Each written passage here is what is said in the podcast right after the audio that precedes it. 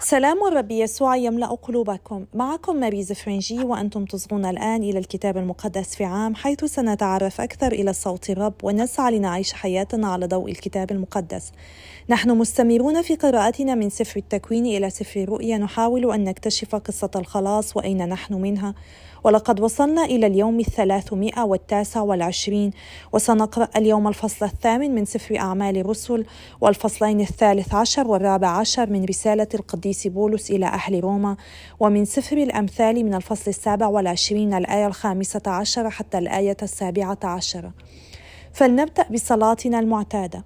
بسم الآب والابن والروح القدس إله واحد آمين. أيها الرب القدوس الذي لا يموت قدس أفكارنا ونقي ضمائرنا فنسبحك تسبيحا نقيا ونصغي إلى كتبك المقدسة لك المجد إلى الأبد آمين.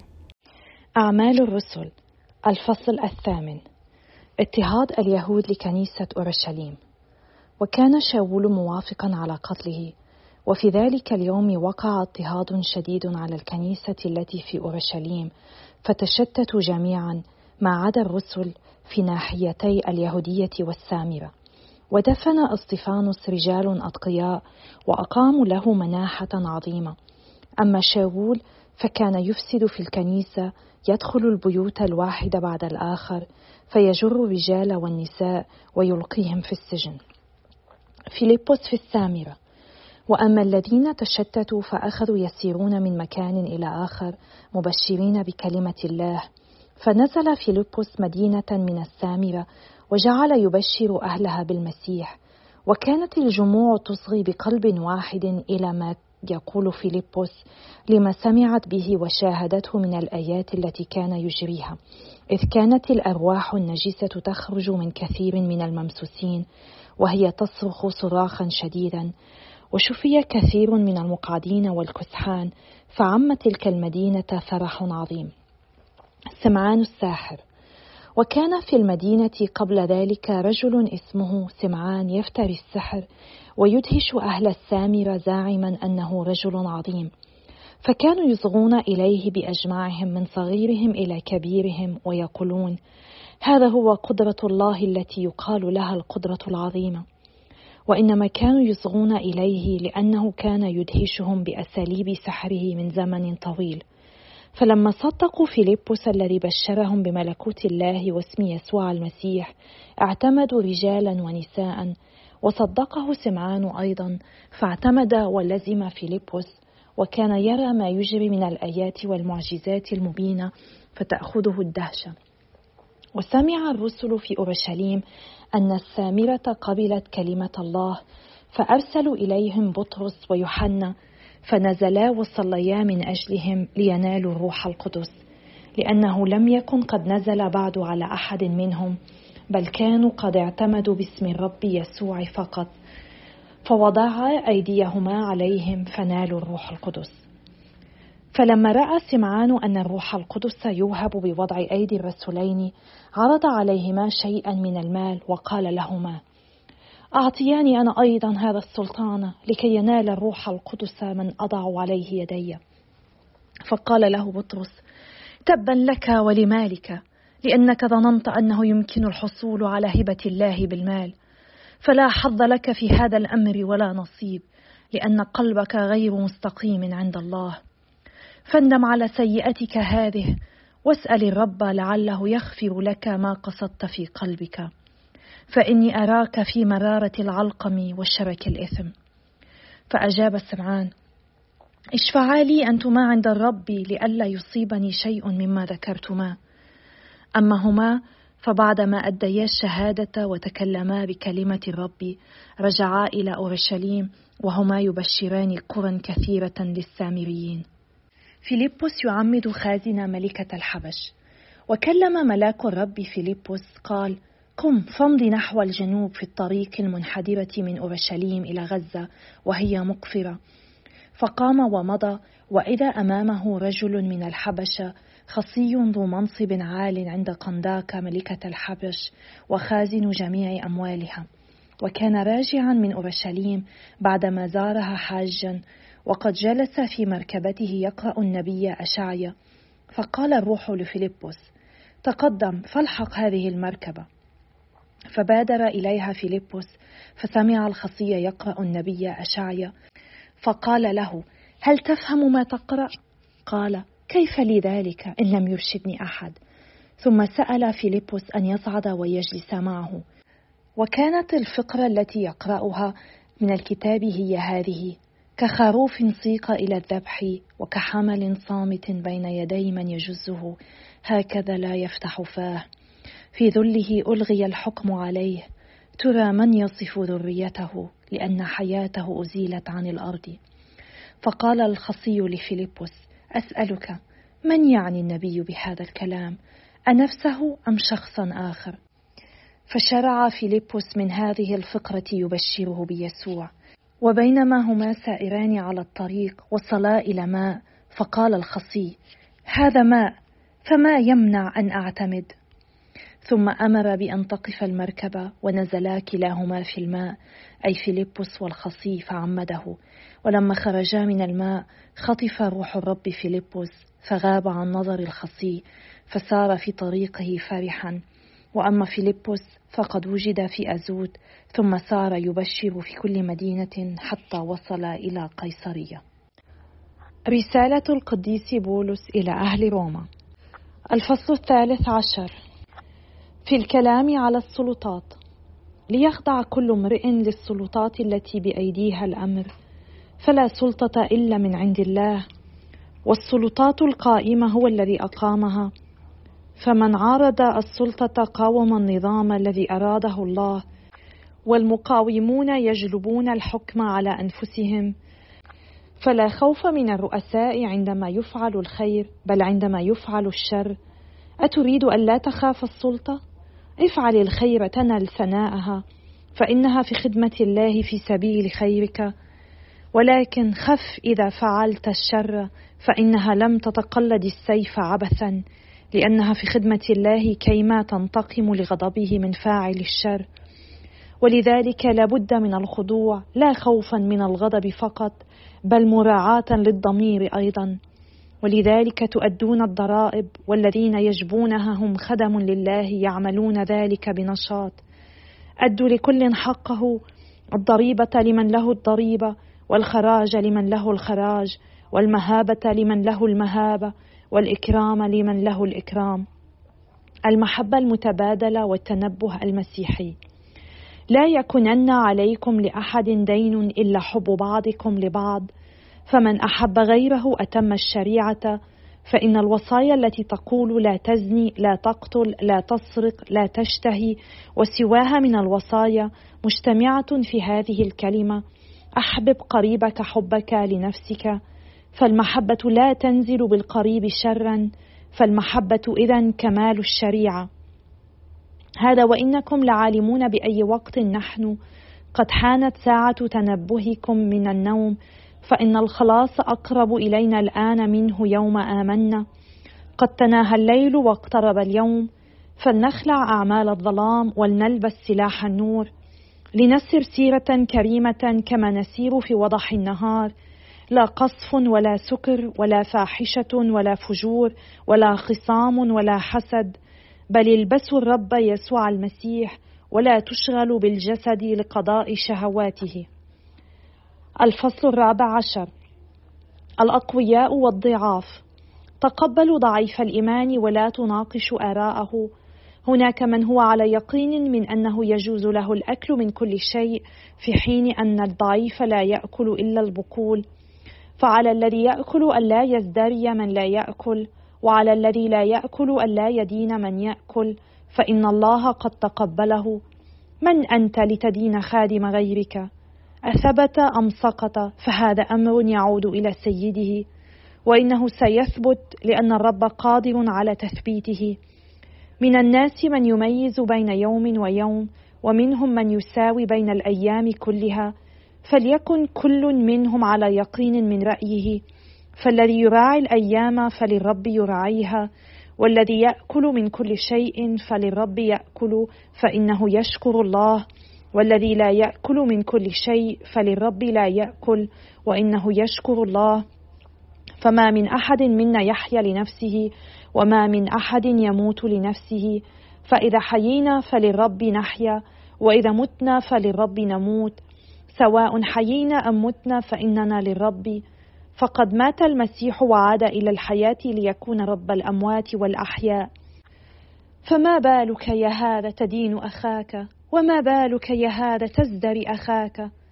سنمثل جميعا أمام محكمة الله.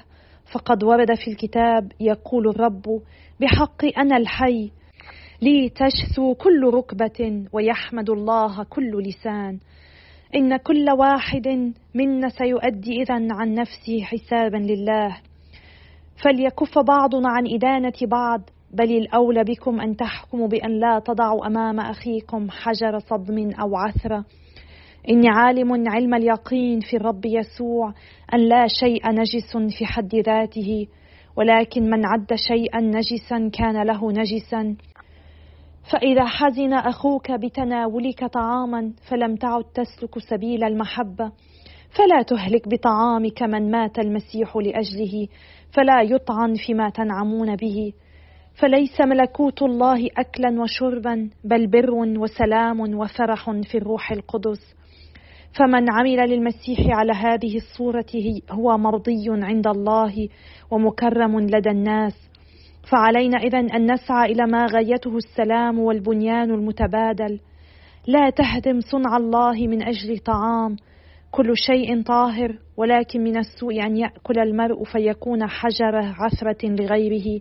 ومن الخير ألا تأكل لحما ولا تشرب خمرا ولا تتناول شيئا يكون حجر عثرة لأخيك. أما يقينك فاحفظه في قرارة نفسك أمام الله. طوبى لمن لا يحكم على نفسه فيما يقرره وأما الذي تساوره الشكوك فهو محكوم عليه إذا أكل لأنه لا يفعل ذلك عن يقين فكل شيء لا يأتي عن يقين هو خطيئة. سفر الأمثال الفصل السابع والعشرون من الآية الخامسة عشرة حتى الآية السادسة عشرة الوقف المتواصل في يوم ممطر والمرأة المنازعة سيان من ضبطها يضبط الريح ويقبض بيمينه على زيت. الحديد يصقل الحديد والإنسان يصقل تجاه صديقه. أيها الآب الأزلي إننا نشكرك ونسبحك ونمجدك. نشكرك لأنك ترافقنا دائما. نشكرك لأنك تغذينا بكلمتك بروحك القدوس. نشكرك لأنك دائما أبدا حاضر معنا. تغير قلوبنا وتشعلها بحبك. أعطنا يا رب أن نحبك وأن نحب أقرباءنا كأنفسنا. أعطنا أن نحب بعضنا البعض بطريقة تليق بنا كأبناء وبنات لك يا رب. باسم رب يسوع نصلي. آمين. بسم الله والابن والروح القدس إله واحد. آمين. يبدأ الفصل الثامن من أعمال الرسل بهذه الآيات. كان شاول موافقا على قتله وفي هذا دليل على اسطفانوس الذي استشهد كما قرأنا بالأمس.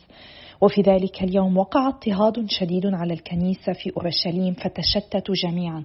استشهاد إسطفانوس واضطهاد المسيحيين في أورشليم وتشتت تلاميذ يسوع في جميع أنحاء منطقة يهوذا والسامرة هو تحقيق لما قاله الرب يسوع لرسله فيما يتعلق بانتشار الإنجيل.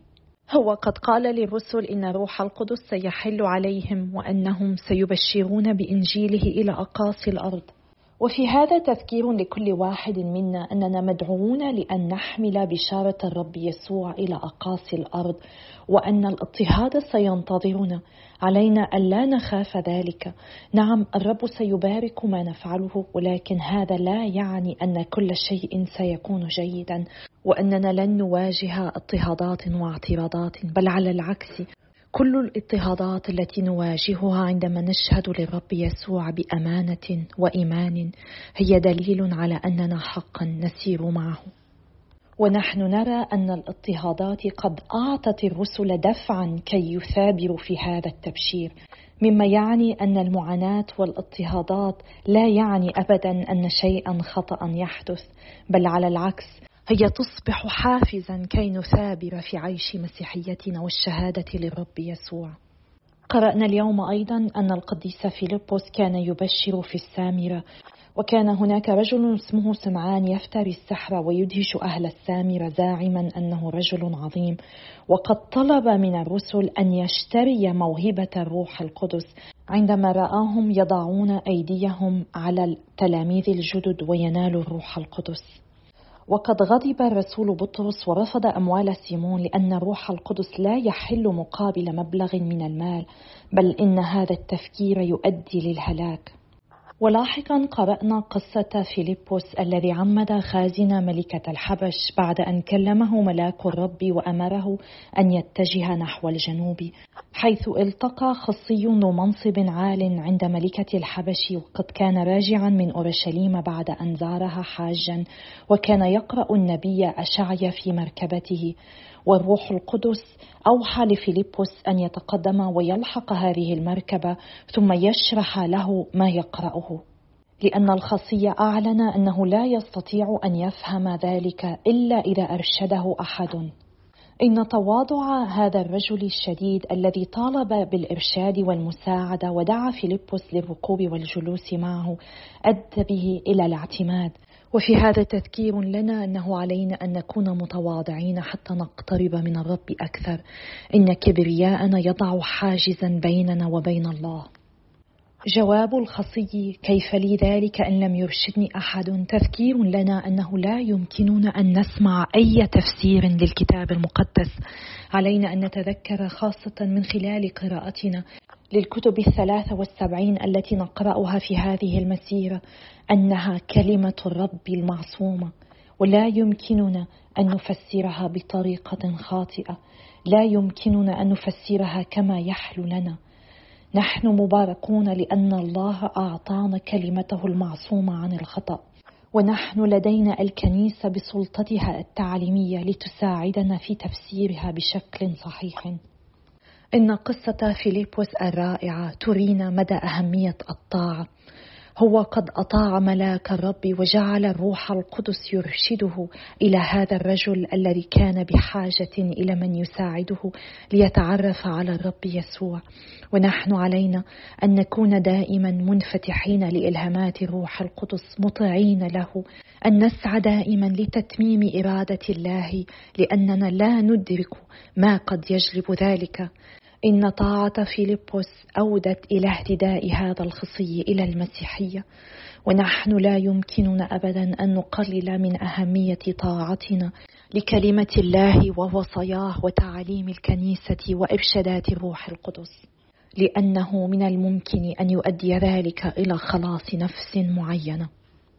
في رسالته إلى أهل روما يدعون القديس بولس إلى عيش المحبة وهو يذكرنا أن لا يكون علينا لأحد دين إلا حب بعضنا لبعض. هو يذكرنا أننا نحن المؤمنين بالمسيح تحررنا من الشريعة ولكننا نعيش الآن في شريعة المحبة. ولكن هذا لا يعني أنه يمكننا أن نفعل أي شيء نريده. بل هو يدعونا لأن نكون متنبهين ولنخلع أعمال الظلام ونلبس سلاح النور ونسير سيرة كريمة كما نسير في وضح النهار. وأن نلبس الرب يسوع المسيح وأن لا ننشغل بتلبية شهوات الجسد.